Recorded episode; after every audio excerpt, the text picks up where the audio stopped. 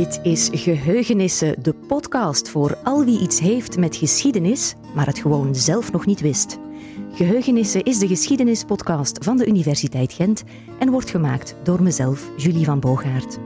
Normaal gezien doe ik dat in mijn eentje, maar aan deze aflevering heeft een groepje van elf studenten geschiedenis meegewerkt.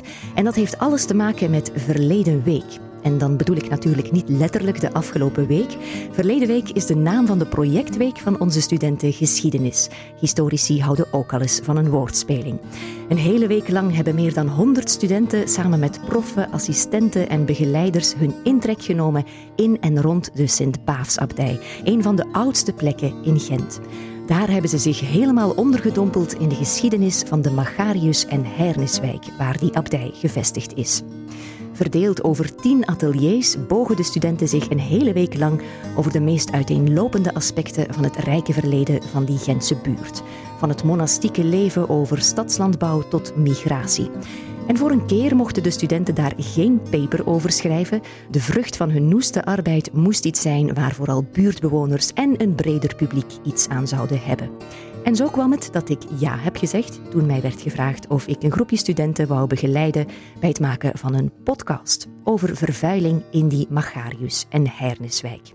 Vooral dan over hoe de buurtbewoners omgingen en omgaan met vervuiling. Wat ervaarden ze als storend, hinderlijk of ronduit gevaarlijk? Wat was hun mening daarover? Hoe maakten ze die kenbaar? En hoe probeerden ze hun eigen leefomgeving te verbeteren? En als we willen weten hoezeer de buurtbewoners vandaag wakker liggen van vervuiling, dan kunnen we het hen net zo goed vragen. Gewoon op straat. Heeft u last soms van uh, vervuiling of hinder? Of... Dat is flink gebeterd met het circulatieplan. Nu ruik ik terug uh, bomen. morgens, ja. Het circulatieplan in Gent. Oh, spreek mij daar niet van. Ze zeggen van de luchtkwaliteit in Gent is verbeterd. Ja, maar je spreekt niet over al die mensen die hier rond aan het rijden zijn. Hè? Geur, Gent stinkt. ja, de wateren zijn verbeterd. Je twee of vis op. Ze kunnen hier weer vissen. En nu en dan, één keer per jaar, zijn er daar, dat 300 die aan het water springen en dan een keer zwemmen. Vroeger was er hier uh, een beestenmarkt. En, uh, dus al het vuil van de dieren ging in de riool en er kwam dier uit in het water. Dat is natuurlijk dus gedaan en dat is ook, uh, ja, we vonden dat toen normaal. Hè. Nu, nu zijn ze bezig met milieu. Afval uit het water halen en dan kunnen we daar samen in zwemmen. Zouden jullie daar aan meedoen of niet? We doen dat met school. Ah, jullie doen dat ja, al? Klopt. Ja. Het is de eerste keer dat we met kajaks gaan werken, maar het is de eerste keer dat we gaan opruimen. We hadden vijf zakken na een, half uur. En toen we terugkeren lag er al afval op de grond. Wanneer ik zelf door de Magarius- en Herniswijk wandel, dan heb ik het gevoel dat het best wel een schone buurt is, waar het aangenaam wonen is en waar het water van de visserij, de Schelde en Portuschanda een bron van rust en schoonheid is. Maar mocht je dezelfde wijk zien in de 19e eeuw tot zelfs de jaren 80 van de vorige eeuw, dan zou je niet alleen grote ogen trekken, maar vooral ook je neus optrekken voor de sterk vervuilde waterlopen, voor de rokende fabriekschouwen en voor de stank van rottende kadavers. In de tijd terugkeren, dat kunnen we niet, maar naar een plek terugkeren gelukkig wel. Vanop de Van Eyckbrug aan Portuschanda hebben we een mooi overzicht over die plek die de studenten onder de loep nemen een plek waar dieren bestemd voor de slacht losliepen op straat. Waar waterlopen gewoon werden dichtgegooid omdat ze zo hard stonken. En waar je simpelweg moest leren te leven met het roet, de stank en het ontploffingsgevaar van de fabriek naast je huis. Ik sta op de Gebroeders van Eyckbrug en dat is het perfecte ankerpunt om de verhalen over vervuiling in de Magariuswijk samen te brengen. Ik heb hier een prachtig uitzicht over Portuschanda en dat is natuurlijk een bijzondere plek vanuit historisch oogpunt, een beetje de wieg van Gent. Aan deze historische samenvloeiing van Schelde en Leien is Gent ontstaan als nederzetting. Vandaag is Portus Ganda een heel ja, begeerlijke plek, een chique plek, waar velen wel graag een bootje zouden uh, leggen. Uh, maar als dat niet uh, binnen jouw budget past, dan kun je hier ook gewoon komen genieten van het uitzicht. vandaag schijnt er een voorzichtig waterzonnetje en er zitten al enkele mensen hier op het zonneterras dat hier is aangelegd met bankjes. Dus ja, echt wel een van de kroonjuwelen van de waterlopen van stad Gent. Maar zo idyllisch is het hier lang niet altijd geweest. In de 19e eeuw schreef de Britse auteur William Makepeace Thackeray, die we kennen van, van de, de roman Vanity Fair. Toen schreef hij ik geloof dat Gent zoiets als een Venetië van lager allooi genoemd is. Er zijn vuile kanalen en oude huizen. En in die tijd waren de Gentse wateren effectief open riolen geworden. De stad was heel sterk aan het uitbreiden. Fabrieken die rezen als paddenstoelen uit de grond, maar natuurlijk niet in het historische oude stadscentrum, niet in die kuip van Gent waar de rijken woonden, maar wel aan de rand van Gent waar de arme bevolking, de arbeidersbevolking, dan ook samengepakt leefde.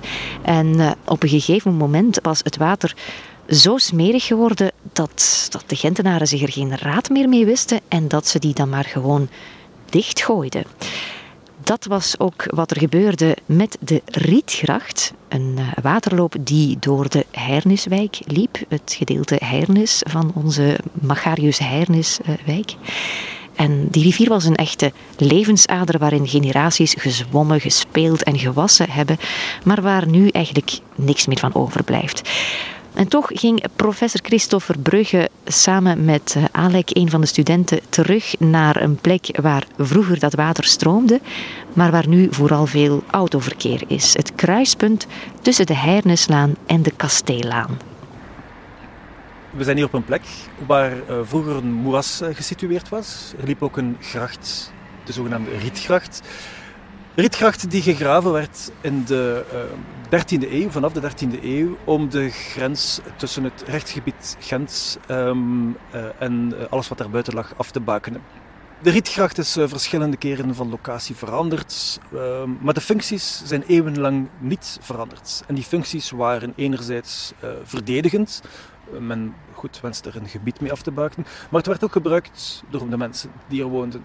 Het werd gebruikt door uh, nijverheden uh, die het gebruikten om, ja goed, als, als grondstof uh, om bijvoorbeeld bier te brouwen. Maar de mensen gebruikten het ook om in te vissen, om zichzelf in te wassen, om een was te doen. En ga zo maar verder. Het werd ook gebruikt om te transporteren. De waterhuishouding eh, in het Gentse was relatief in orde tot, ja goed, tot diep in de 19e eeuw. Tijdens de 19e eeuw is dat evenwicht volledig verstoord geraakt door de snelle industrialisering uh, van de stad Gent. Waardoor de waterlopen vervuild geraakten, waardoor er meer en meer afval in de waterlopen terecht kwam en ga zo maar verder. Na 1866 um, kwam men na een, een, cholera, een cholera-epidemie, die heel zwaar heeft toegeslaan in Gent, kwam men tot het inzicht dat er iets moest gebeuren.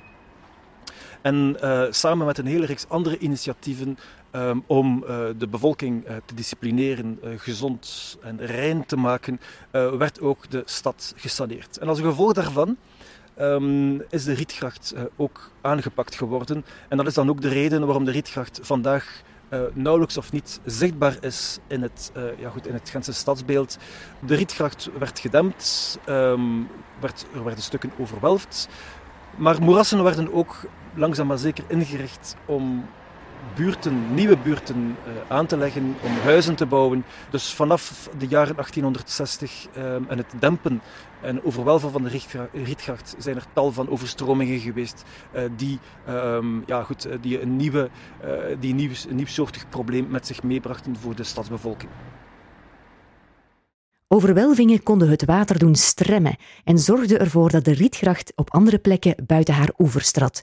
Wat niet alleen nadelig was voor de landbouw in het Meerse gebied, waardoor de Rietgracht stroomde, maar ook voor de fabrieken en hun arbeiders.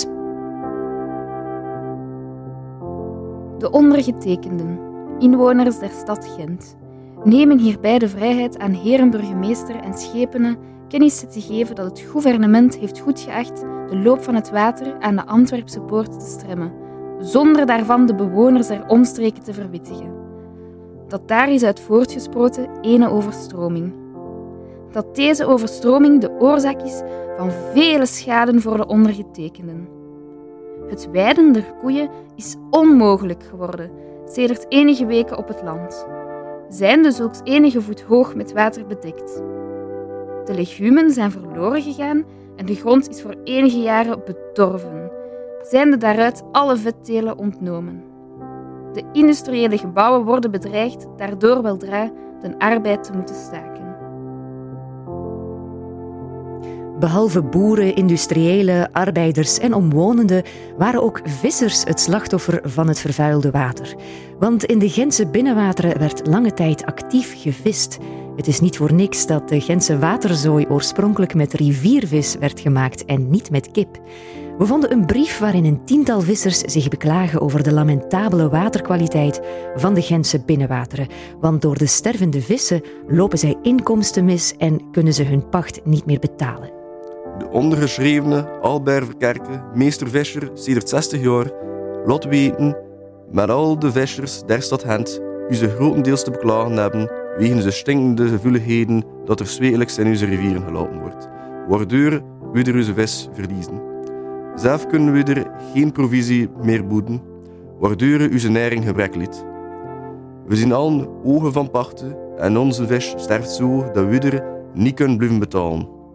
Daarom wordt dringend verzocht daarin te willen voorzien en dit te willen beletten, het welk al de onderschreven vissers grotendeels verlangen.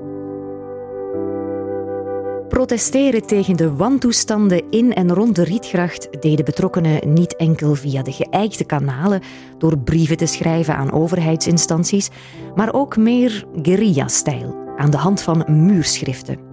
In 1913 voelden de omwonenden van de Rietgracht zich in de steek gelaten omdat de stad wel geld over had voor de wereldtentoonstelling van dat jaar en alle verfraaiingswerken die daarbij hoorden op alle plekken waar het rijke publiek zich kwam aan vergapen, terwijl ze de arme Magarius en Heinerniswijk letterlijk lieten stikken in de stank. De opschriften op de muren waren dan ook behoorlijk scherp. Exposition de 1913. Visitez la vallée du Rietgracht. Attraction, choléra, peste, typhus.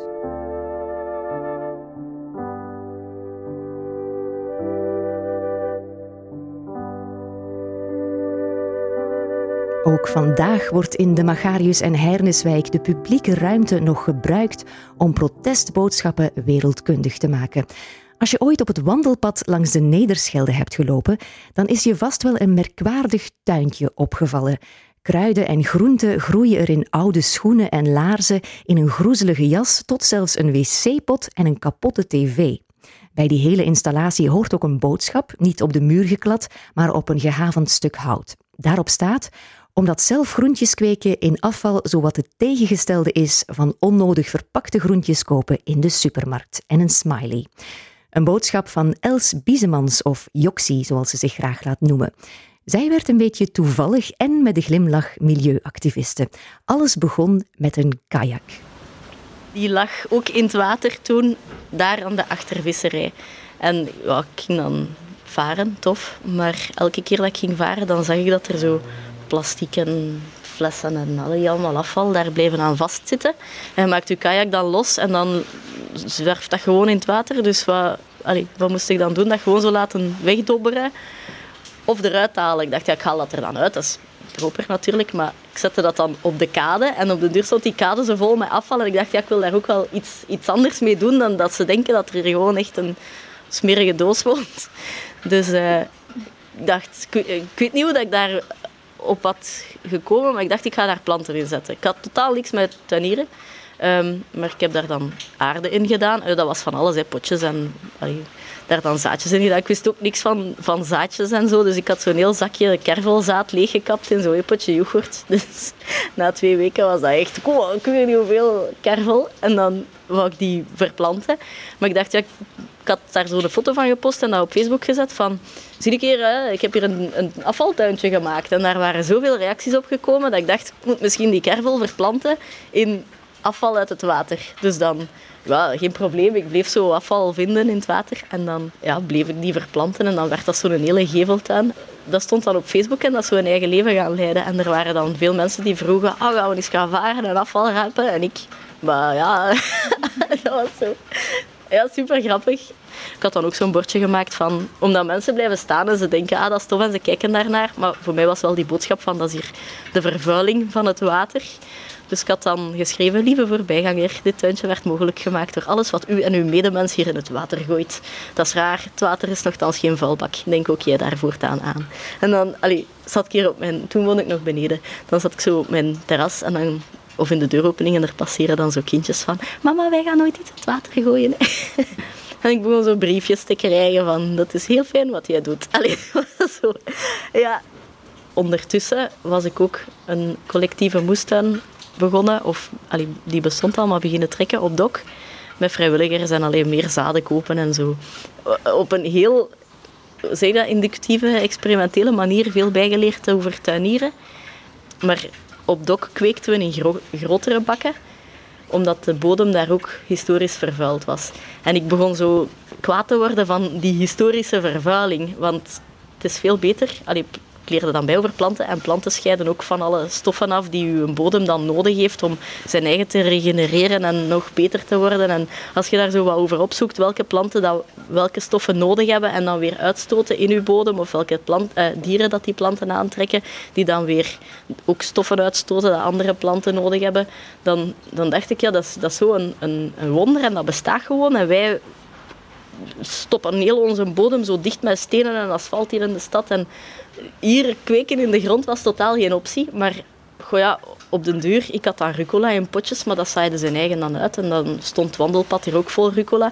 En ik dacht van ja, als mensen daar dan passeren en ze, ze eten daarvan, ik weet niet hoe historisch vervuild dat daar is met die fabrieken, maar ik wil hier ook de mensen die vergiftigen. Aardbeien, ja, dat zijn eigen ook allemaal uitgeplant met die, uh, wat stond er nog, tomaten gewoon rechtstreeks in de grond. Alleen zo ertjes van alles, zonder dat ik daar eigenlijk nog iets aan deed.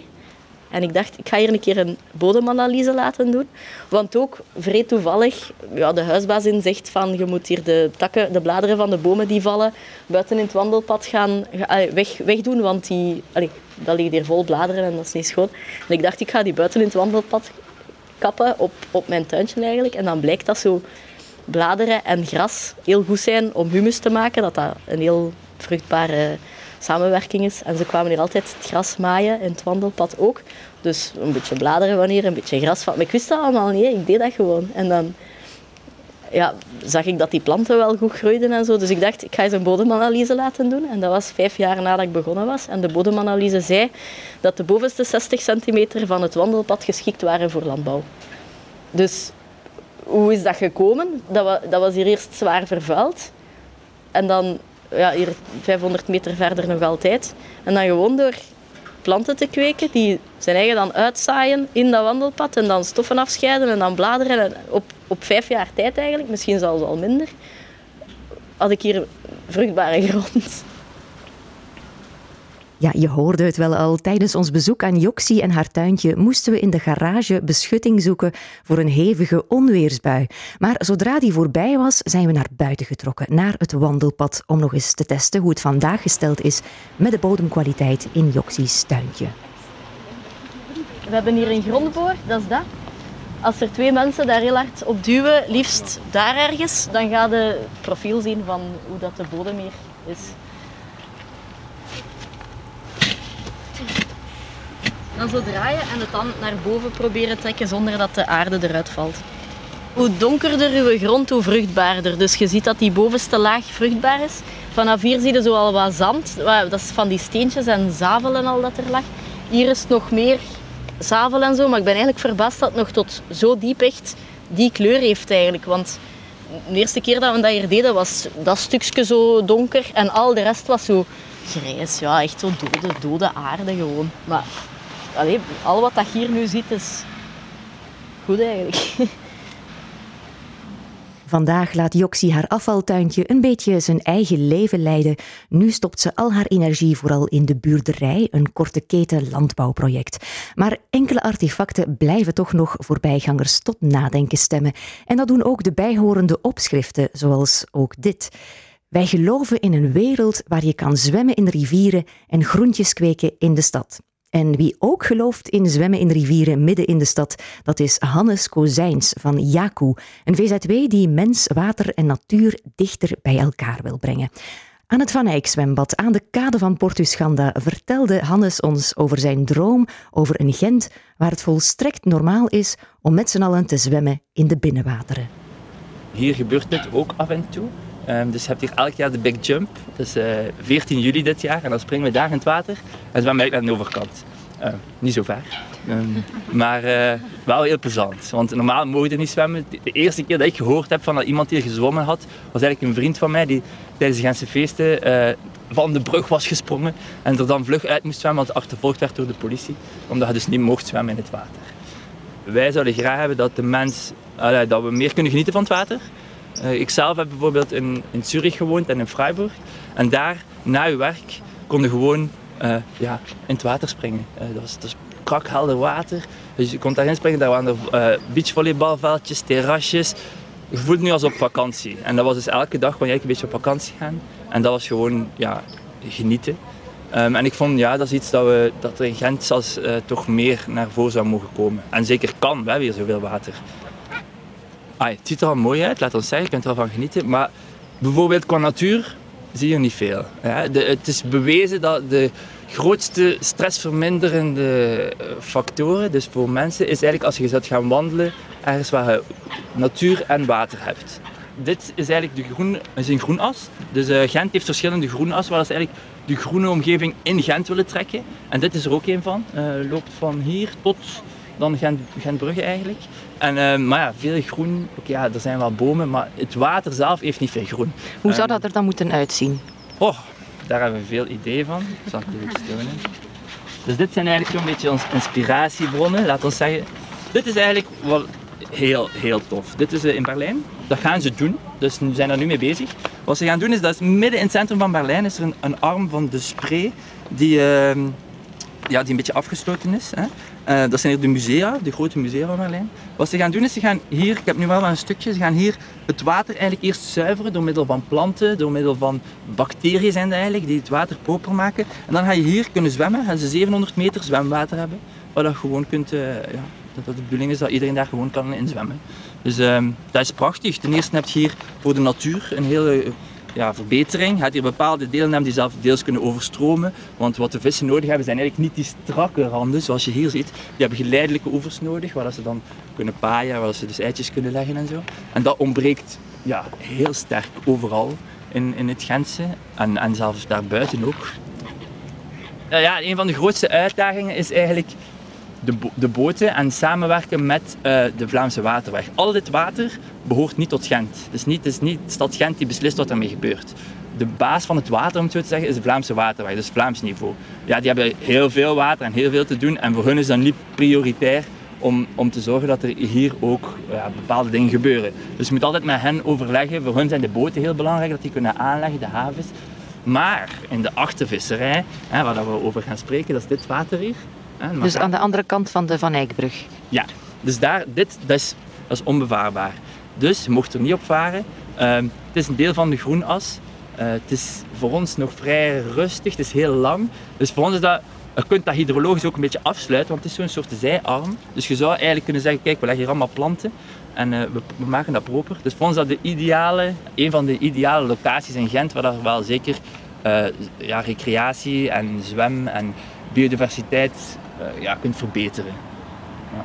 We hebben een keer iets gelanceerd. Dat was eigenlijk een, een lezing over mogelijkheden tot zwemmen in Gent. Hè. Dus er kwam iemand van Pool is Cool, dat zijn mensen die daar in Brussel mee bezig zijn, die kwam vertellen over wat de mogelijkheden zijn. Dus over uh, hoe ze het in andere landen doen. En we hadden dat op Facebook gezet van ja, ik, denk de titel was verkeerd begrepen. Iedereen dacht dat we gingen zwemmen. Maar dat was dus al ergens in september of zo, dus was al koud.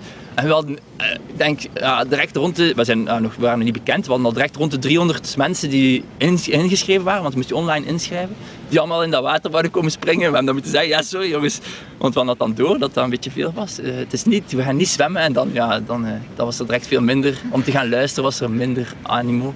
Maar dus mensen zijn echt wel enthousiast om het water in te springen? Ja, dat denk ik sowieso. Ja. En uh, ja, zijn ze dan niet bang dat het hier vervuild is? Wij zijn nu een hele week al bezig met vervuiling, vroeger en nu. Hoe zit het daarmee?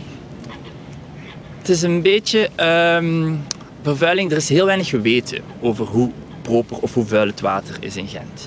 Uh, momenteel heeft VMM heeft een paar meetpunten, maar ik, ik, ik, denk eigenlijk maar één aan, aan, de, aan de Kinderpolis.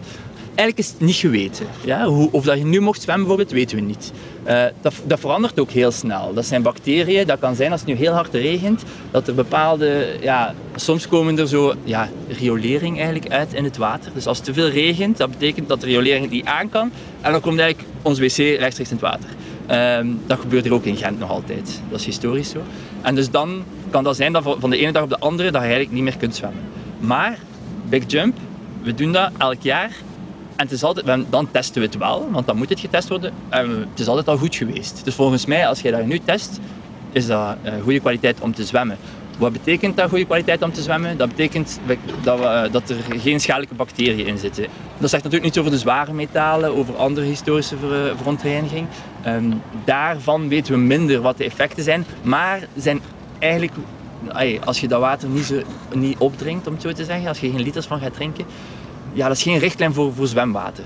En naar veiligheid toe, uh, er ligt ja, heel wat afval en troep in het water. Is het dan niet gevaarlijk om je daaraan te verwonden? Dat afvalprobleem is zeker een probleem. Um, vooral omdat ja, je ziet het niet. Hè. Het water is te troebel. Dus ja, dat moet sowieso wel dan nagekeken worden. De brandweer. Wij, wij wilden bijvoorbeeld zwemmen van, eigenlijk van aan de andere brug dus wouden we heel dat stuk zwemmen. De brandweer is echt komen nakijken. En ze hebben gezegd, ja, maar het liggen daar zo wat fietsen en winkelkarren. En, en het is onder die brug en daar kunnen niet, daar kun je eigenlijk gewoon ja, niet doorzwemmen bijna. Uh, elk jaar wordt het, het, water hier een beetje verlaagd. Dus denk een meter en een half. Omdat de mensen dan kunnen werken aan hun, aan huizen die aan het water staan. En dan halen ze daar honderden fietsen uit. Dus dat is ongelooflijk hoeveel fietsen dat er in het water worden gesmeten. Um, ik denk, als je ziet, als je tot de bodem zou kunnen zien, ja, dat kan niet overal, hè, want dit is dus, dat kan eigenlijk vooral in stromend water, wat zo heel helder is. Maar dat kan hier ook wel. Ik denk dat je zou minder rap geneigd zijn om je fiets daarin te smijten, want je ziet hem nog een keer dat hij erin ligt. Terwijl nu ziet het gewoon, het is gewoon zo'n vergeetput en dan smijt het er maar in nog iets wat ik wel zou willen zeggen is naar veiligheid. België is zo'n beetje een, een, fobie. Of, ja, bij ons, als je zwemt, moet er een redder zijn. Hè. Maar één iemand in het water zitten, moet aan de redder zitten kijken of dat je niet gaat verdrinken. Wat een beetje absurd is als je dat vergelijkt met andere landen. Want daar uh, is dat je eigen risico. Ik bedoel, als je op straat loopt of, of, of, of straat oversteekt, moet je ook weten wat, wat je kan, wat je niet kunt. Uh, wat mag, wat niet mag. En bij zwemmen is dat een beetje hetzelfde. Je moet je daarmee leren omgaan, je moet leren zwemmen. In andere landen is dat gewoon iets dat, ja, dat wordt gedaan en dat is op eigen risico. Oké, okay, mensen moeten dat dan wel leren, van jongs af aan. Moeten wel leren wat de, wat de gevaren zijn en wat, wat, wat, wat kan en wat niet kan. Denk je dat we een beetje vervreemd zijn geraakt van dat water? Ja, sowieso. Dat denk ik sowieso. Het is iets voor ons alleen maar om naar te kijken. Um, we weten er eigenlijk bijna niks van. Uh, het is iets gevaarlijks, het is iets waar we liever ver van af blijven. Ja, klopt. En, en Um, het is zo prachtig, bedoel, alles wat erin zit. Om... Ja, het is een beetje een dubbele relatie. Het is gevaarlijk, maar het is ook mooi. Maar van ver. Ja, ja wel. En wij zullen het graag dichter brengen bij de mensen. Dus um, ook het leven dat erin zit. Ik, ik herinner mij als kind, was, als je, we hadden een vijver thuis. En al, al de salamanders en de kikkers en de kleine kokerjuffertjes en alles wat daarin zat. Dat is zodanig eh, leerrijk en fascinerend voor kinderen. Maar dat, dat, dat zijn allemaal kwijt op, op, op, als, het, als, het zo, ah ja, als het zo met rechte oevers is en als, als je niets kunt zien. En dat is spijtig. Het water moet zijn van alle, van alle burgers en moet verschillende functies kunnen uh, ja, vervullen. En uh, het is niet omdat de ene dit heel graag wil en de andere wil net iets helemaal anders. We moeten ergens een, middenweg zoeken. En ik, ja, ik ga ervan uit dat dat met meer natuur is en met meer toegang tot het water, dat dat de toekomst is.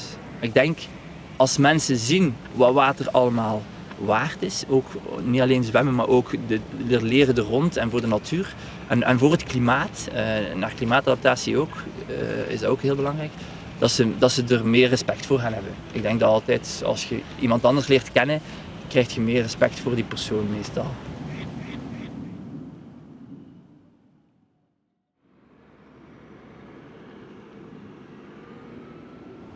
We keren terug naar ons ankerpunt, de Gebroeders van Eikbrug. Maar als ik heel eerlijk ben, dan moet ik zeggen dat ik nu eigenlijk op de Slachthuisbrug sta. Want die naam Gebroeders van Eyckbrug die slaat enkel op het gedeelte van de brug het dichtste bij het Van Eyck zwembad. Het deel dat over de Nederschelde gaat. En dit stukje hier over de visserijvaart, dat, uh, dat is de Slachthuisbrug. Er hangt ook nog een koperen naamplaatje aan. Slachthuisbrug, dat klinkt een beetje morbide. En die naam verwijst ook naar een morbide stukje geschiedenis hier vlakbij. Wanneer ik me 180 graden draai weg van dat prachtige uitzicht over Portuschanda, dan kijk ik dus uh, richting de visserijvaart. En uh, ja, het is eigenlijk best wel ironisch dat Hannes van Jacob precies van dit stukje water een soort van groen zwemparadijs wil maken. Want uh, ooit, eigenlijk nog niet zo lang geleden, tot in de jaren 80 van de vorige eeuw, was dit waarschijnlijk een van de meest weerzinwekkende waterlopen in Gent. Toen kleurde het water hier rood van het bloed. En dat was vanwege de nabijheid van het slachthuis op de plek waar nu een heel mooi, vredig eh, park ligt, het uh, Kooiendanspark. Dat was dus uh, ja, tot, tot in de jaren tachtig niet zo vredig. En uh, wanneer ik hier naar links, naar de linker, kaai, de linker kaaimuur kijk, ja, dan zie ik daar een gat, een opening van een riolering, niet zo erg groot. Maar via dat gat werd bloed en ander slachtafval, maar vooral bloed, dus geloosd gewoon rechtstreeks het water in. Er was een filtersysteem, maar dat wisten de mensen van het slachthuis te omzeilen. Uh, dus alles kwam gewoon ongefilterd hierin terecht van dat slachthuis, daar blijft nu niet veel meer van over. Maar uh, Davy Verbeke, onderwijsbegeleider aan de vakgroep Geschiedenis, die gaat ons nu meenemen doorheen de buurt van het slachthuis en doorheen de geschiedenis.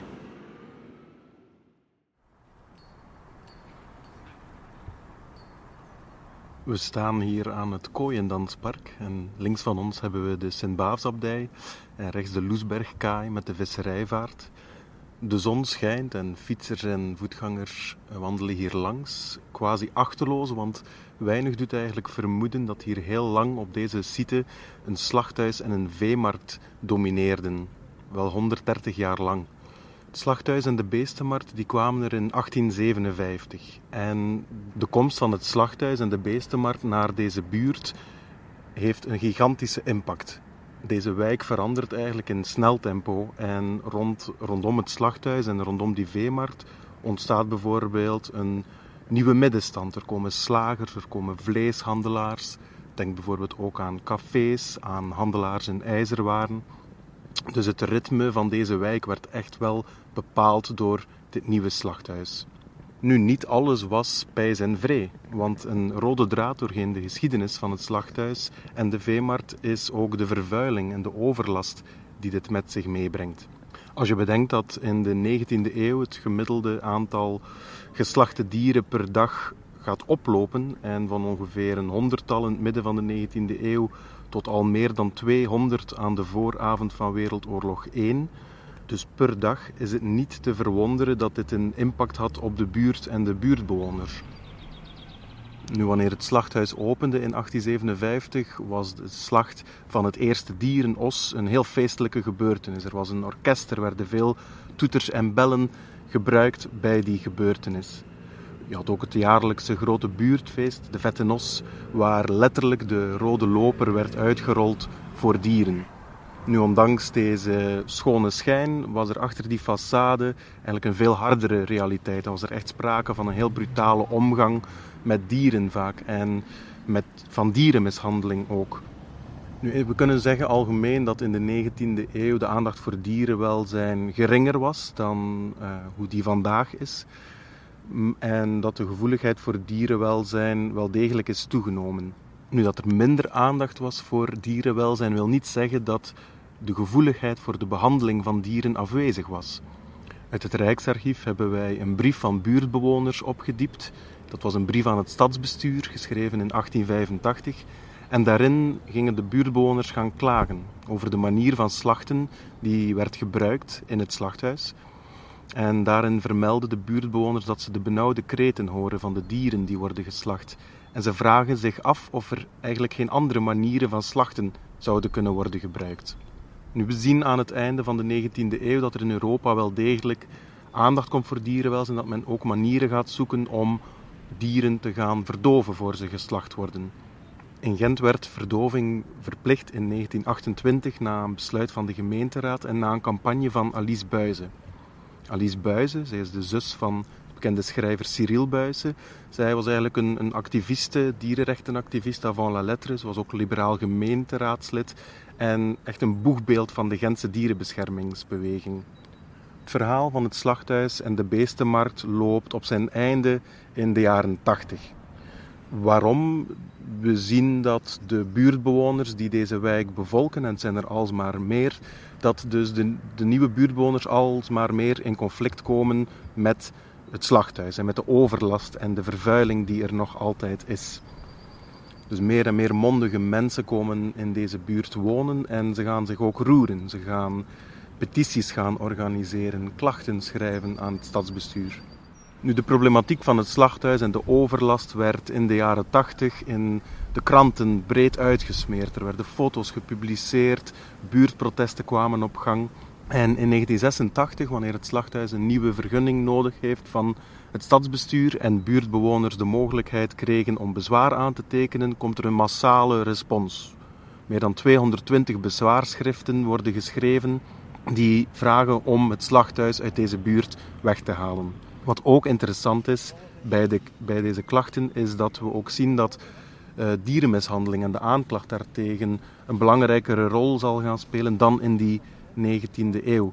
Dus we zien dat het niet meer enkel over persoonlijke overlast gaat, maar ook vanuit een breder perspectief en bezorgdheid om dierenwelzijn wordt geopperd. De buurtbewoners zullen wel degelijk hun slag thuis halen en in 1987 gaat het slachthuis dichtgaan. Een aantal jaren later zal ook de veemarkt hier definitief verdwijnen en op die manier is eigenlijk een belangrijke episode die 130 jaar lang geduurd had in deze buurt afgesloten. Veel bewoners van de Magarius en Heinerniswijk herinneren zich nog letterlijk in geuren en kleuren dat slachthuis en de veemarkt. Zo ook Dirk Ketelaren, die er geboren en getogen is af- en aanrijdende vrachtwagens, mest in de straten, loeiende en uitgebroken dieren. Wijkbewoners moesten dat er allemaal maar voor lief bijnemen. Maar eerder dan weg te lopen van de geur- en lawaaihinder, wou Dirk van zijn wijk een betere plek maken. Hij nam het voortouw in het buurtprotest tegen het slachthuis. Hij hield er een waar archief over bij uit die tijd. Mappen vol krantenknipsels en protestbrieven, waaronder ook deze brief die Dirk schreef in 1984. Dus die brief is geschreven op 7 februari 1984. Geachte heer Schepen, ongeveer twee jaar geleden vestigden wij ons in de Ossenstraat nummer 9. We verkozen immers te blijven wonen in de wijk waar we beiden opgroeiden.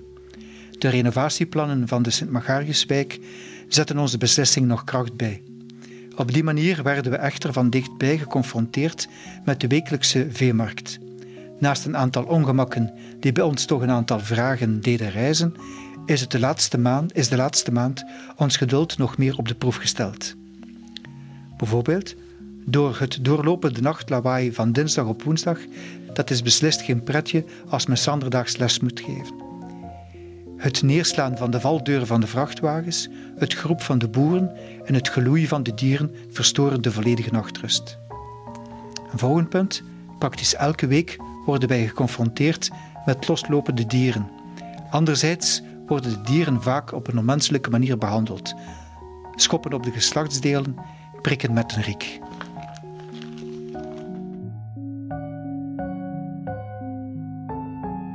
Um, 1300 à 1400 dieren aanbrengen op een nacht, dat is dus veel. Uh, om dat klaar te hebben tegen de woensdagmorgen. Dus dat gebeurde van de dinsdagavond al constant. Het, het lawaai van de vrachtwagens die toekwamen, uh, die dieren die eruit kwamen, die, die dieren ja, die stonden te loeien. En, en, en, ja, ik hoor dat er nu een speeltuin dicht gaat aan het zwembad hier uh, op Rozenbroek. Gewoon voor het lawaai van kinderen. Dan zeg ik, wat hebben wij meegemaakt? En dat, dat, dat, zijn, dat was iets compleet anders. We zitten er, we zaten er. Dus de dieren stonden op de markt. De bareel ging open rond kwart voor acht, acht uur. En dan was dat echt een rodeo, een stampede. Die dieren allemaal naar die stallen, los hè. Met een paar mensen daar rondom met stokken.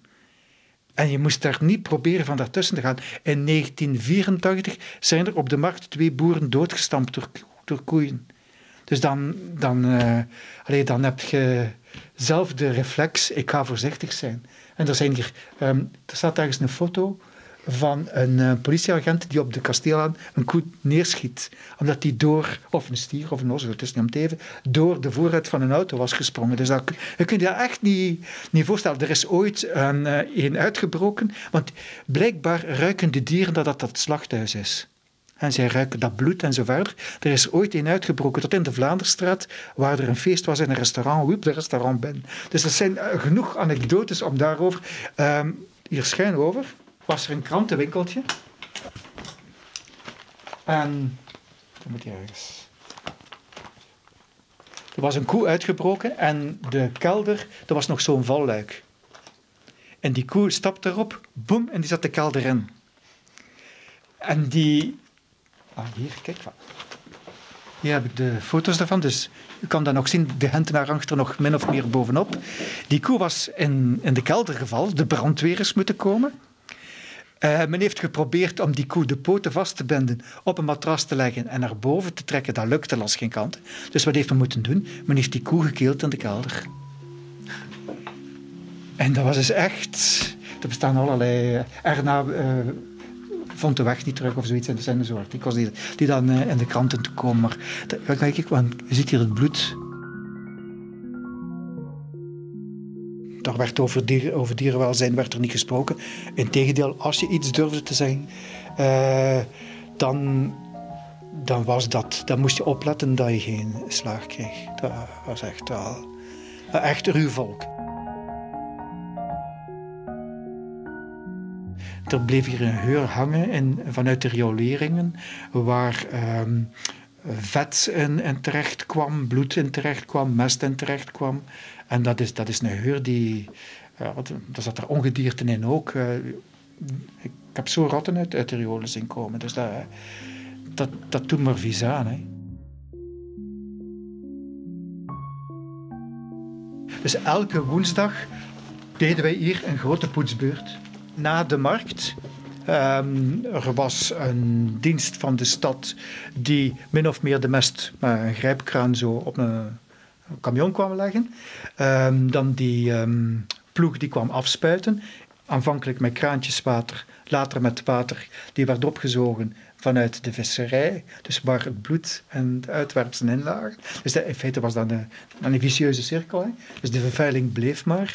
Uh, en dan deden wij voor onszelf, om, om toch uw gevel en de poort, uh, om dat netjes te houden. Hè, want dat, dat was gewoon een smurrie. De, de, de woensdagnamiddag. Wij hebben hier meegemaakt tweemaal dat onze poort door een koe is ingebukt. Maar de politie die lachte ermee. Dat is een futiliteit.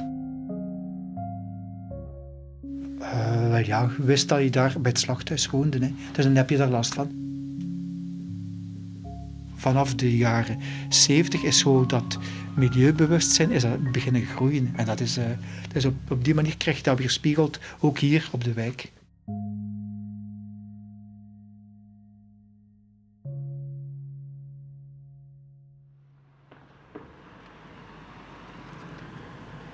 Hier zijn we dan weer op ons ankerpunt op de Slachthuisbrug, zal ik dan maar correct zeggen. Maar ik loop toch even door richting het zwembad Van Eyck naar de echte Van Eyckbrug. Want hier heb ik het perfecte uitzicht op de volgende vervuiler, of althans wat daarvan overblijft, Brouwerij Meirensonne.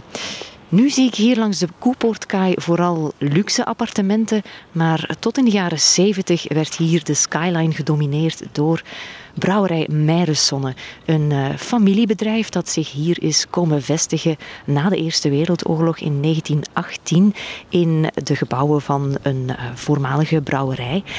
En het verhaal van Brouwerij Meijersonne is er eigenlijk een van geleidelijke en constante uitbreiding. Eigenlijk heeft die brouwerij, die gevestigd was in een woonwijk, geleidelijk aan alle huisjes daar rond uh, opgeslokt. Uh, voor een appel en een ei werden die verkocht aan M.E. Meijersonne. Een klein straatje moest er zelfs ook aan geloven, totdat eigenlijk heel die straat, uh, tot zover ik hier nu kan kijken, werd, werd opgeslokt door die brouwerij die steeds maar meer ja, machines wou plaatsen, meer installaties wou plaatsen. En dus dat verhaal van van, van groei, van uitbreiding, dat kun je mooi traceren in uh, de bronnen die in uh, archieven bewaard zijn. Want telkens M.E. Meijersonne iets wou toevoegen aan zijn brouwerij, dan moest hij daar een aanvraag voor indienen bij de provincie. En uh, ja, dan konden buurtbewoners daar ook bezwaar tegen, tegen inbrengen. En die dossiers die vonden we terug in het provinciaal archief. En daar ben ik naartoe getrokken samen met studenten Hazel, Hanna en Loes. En daar zagen we dat uh, zo'n uitbreiding, dat daar wel een hele procedure aan verbonden was. Ja, eerst werd er een... Toen de aanvraag werd ingediend, werd die opgehangen in de buurt. En konden de buurtbewoners van in een straal van 100 meter omtrek um, een klacht indienen.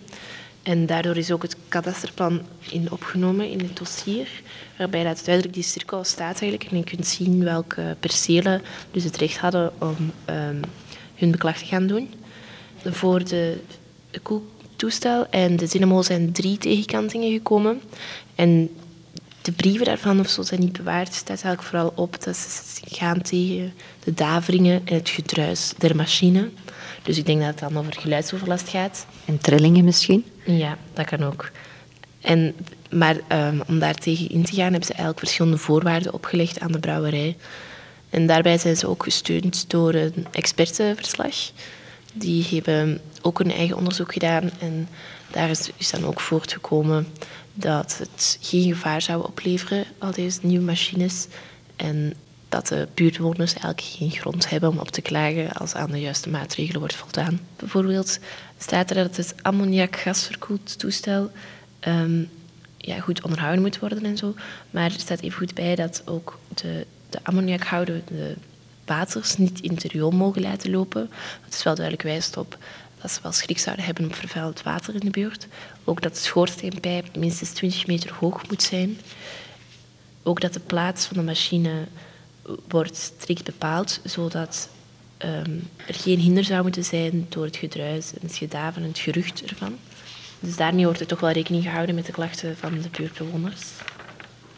Uiteindelijk wordt het wel eigenlijk allemaal goedgekeurd. Dus hij krijgt wel zijn zin. En dan het volgende dossier, dat is het uh, meest lijvige dossier. Waarover gaat dat? Um, dit gaat eigenlijk over de heraanvraag van de vergunning om de brouwerij te mogen uitbaten. En hier een brief van meneer Meiressonne met een prachtig briefhoofd van de brouwerij, die ondertussen al flink is uitgebreid. Het is 1958 en er kleeft ook een zegel op van de wereldtentoonstelling toen, participant. Goed, ja, uh, die vergunning wordt die dan hernieuwd? Uh, uiteindelijk wordt de vergunning hernieuwd. Het dossier is heel lijvig, aangezien ze alles moeten opnoemen dat ooit ook een vergunning voor aangevraagd is voor ja, meelmaalderijen, installaties, machines, benzinestapels, vuilnisopslagplaatsen. Ja, je staat recht van versteld wat er komt kijken bij een brouwerij ja, zelf een laboratorium met chemische opzoekingswerk, zelf een luciferstapel van 250 kilogram. En natuurlijk in de jaren 50 is de wetgeving rond deze gevaarlijke dingen al enorm uitgebreid, waardoor er ook heel veel bijlagen zitten over de regelgeving rond opslag van lucifers, het gebruik van um, javel om uh, dingen op te kuisen. Het is gunstig um, verklaard, um, maar ze hebben wel twee klachten ontvangen. Uh, ook van buurtbewoners. De eerste brief is van een buurtbewoner die eigenlijk op het eiland van de visserij woont. Die klaagt over drie zaken. Uh, de eerste zaak is eigenlijk dat er te veel lawaai is. Daarnaast verwijst hij ook naar rookhinder. Een voorbeeld dat hij aanhaalt is dat als hij zijn was op de koer of in de tuin laat drogen, dan is dat niet mogelijk zonder bedoezeld te worden door roet. Ehm, de volgende klacht is een redelijk merkwaardige klacht. Uh, het is van een zekere meneer Bulke. En um, hij klaagt, dus in zijn brief zegt hij dat hij eigenlijk geen bezwaar heeft uh, in te brengen op de gevraagde toelating van de brouwerij, maar dat hij toch vraagt of er maatregelen kunnen getroffen worden aan de elektromotoren en een condensateur toe te voegen, zodanig dat hij geen storingen um, in zijn televisie- en radioapparaten ondervindt. Uh, uiteindelijk is dus ook weer advies gekomen van een technische inspectie. Over het, de klacht naar het lawaai toe uh, wordt er eigenlijk verwezen dat het onvermijdelijk is. Van de tweede klacht over de uh, radio- en televisiestoringen zeggen ze eigenlijk dat zij niet de bevoegdheid hebben om daar intussen te komen. Na de glorietijd van de jaren 50 gaat het gestaag bergaf met brouwerij Meiressonne. En in 1976 komt het tot een definitieve sluiting. Het hele complex van de brouwerij komt leeg te staan en dat zorgt voor aardig wat overlast, sluikstorten, instortingsgevaar en brand. Het verhaal van de brouwerij eindigt met de sloop en de bouw van appartementsblokken.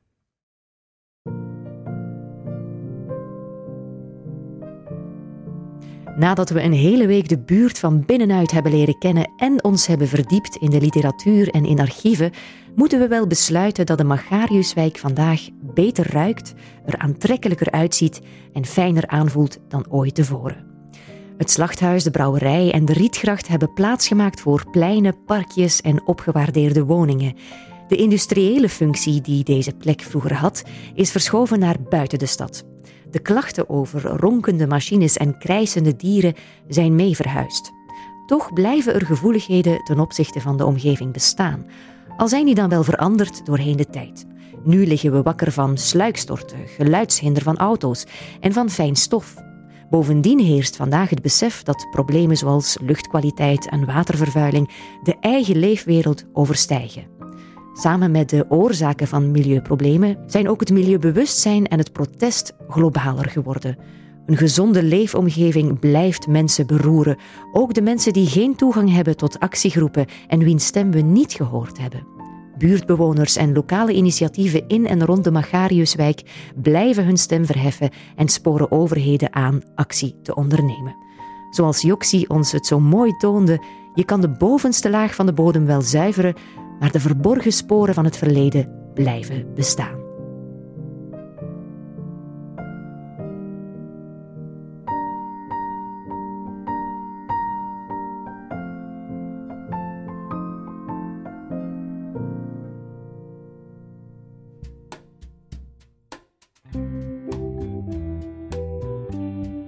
Voor deze aflevering van Geheugenissen heb ik een heleboel mensen te bedanken.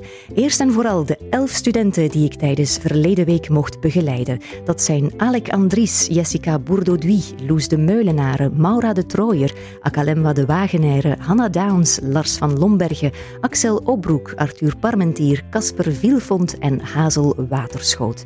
Dan ook nog onderwijsbegeleider Davy Verbeke, dokter Violet Pouillard, professor Erik Toen en professor Christophe Verbrugge, die ook het atelier begeleiden. Dank aan het Stadsarchief, het Rijksarchief en het Provinciaal Archief van Oost-Vlaanderen. En een heel grote dankjewel aan iedereen die van verleden week de allereerste projectweek van de opleiding Geschiedenis een succes maakte. Dat zijn te veel mensen om op te noemen. Een speciaal dankwoordje aan de buren van de abdij om ons een hele week te ontvangen op zo'n unieke locatie als de Sint-Baafsabdij. Natuurlijk ook heel veel dank aan de mensen die we interviewden in deze podcast. Els Biesemans, oftewel Joxi, Hannes Kozijns en Dirk En ook aan de mensen met wie we spraken op straat. Urgent FM liet ons gebruik maken van het allerbeste opnamemateriaal en van hun radiostudio. En dan rest er mij alleen nog jou te bedanken voor het luisteren naar Geheugenissen, de geschiedenispodcast van de Universiteit Gent en een productie van mezelf, Julie van Boogaard. Vergeet je niet te abonneren in je podcast-app en volg ons op Facebook. Daar vind je trouwens heel wat leuke foto's van onze avonturen tijdens de verleden week. Volgende keer gaat het in geheugenissen over diversiteit door de eeuwen heen. Graag tot dan.